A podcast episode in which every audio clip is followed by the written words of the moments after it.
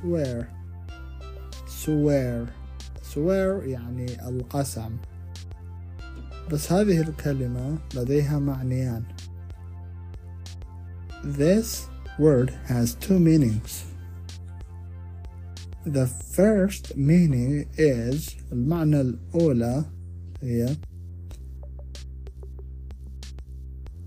أقسم بالله I swear to God I swear to God I swear to God I have not done it يعني أقسم بالله أني ما سويته أو والله أني ما سويته I swear to God وكلمة swear هم عندها معنى كلمة بذيئة مثلا uh, stop swearing واحد راح يقول someone will say stop swearing. Stop swearing.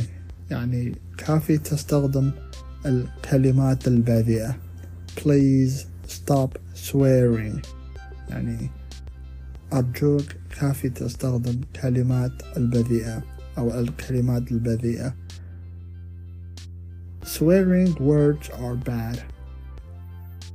الكلمات السيئة مو زينة do not swear. Do not swear. يعني لا تستخدم الكلمات البذيئة أو لا تسب.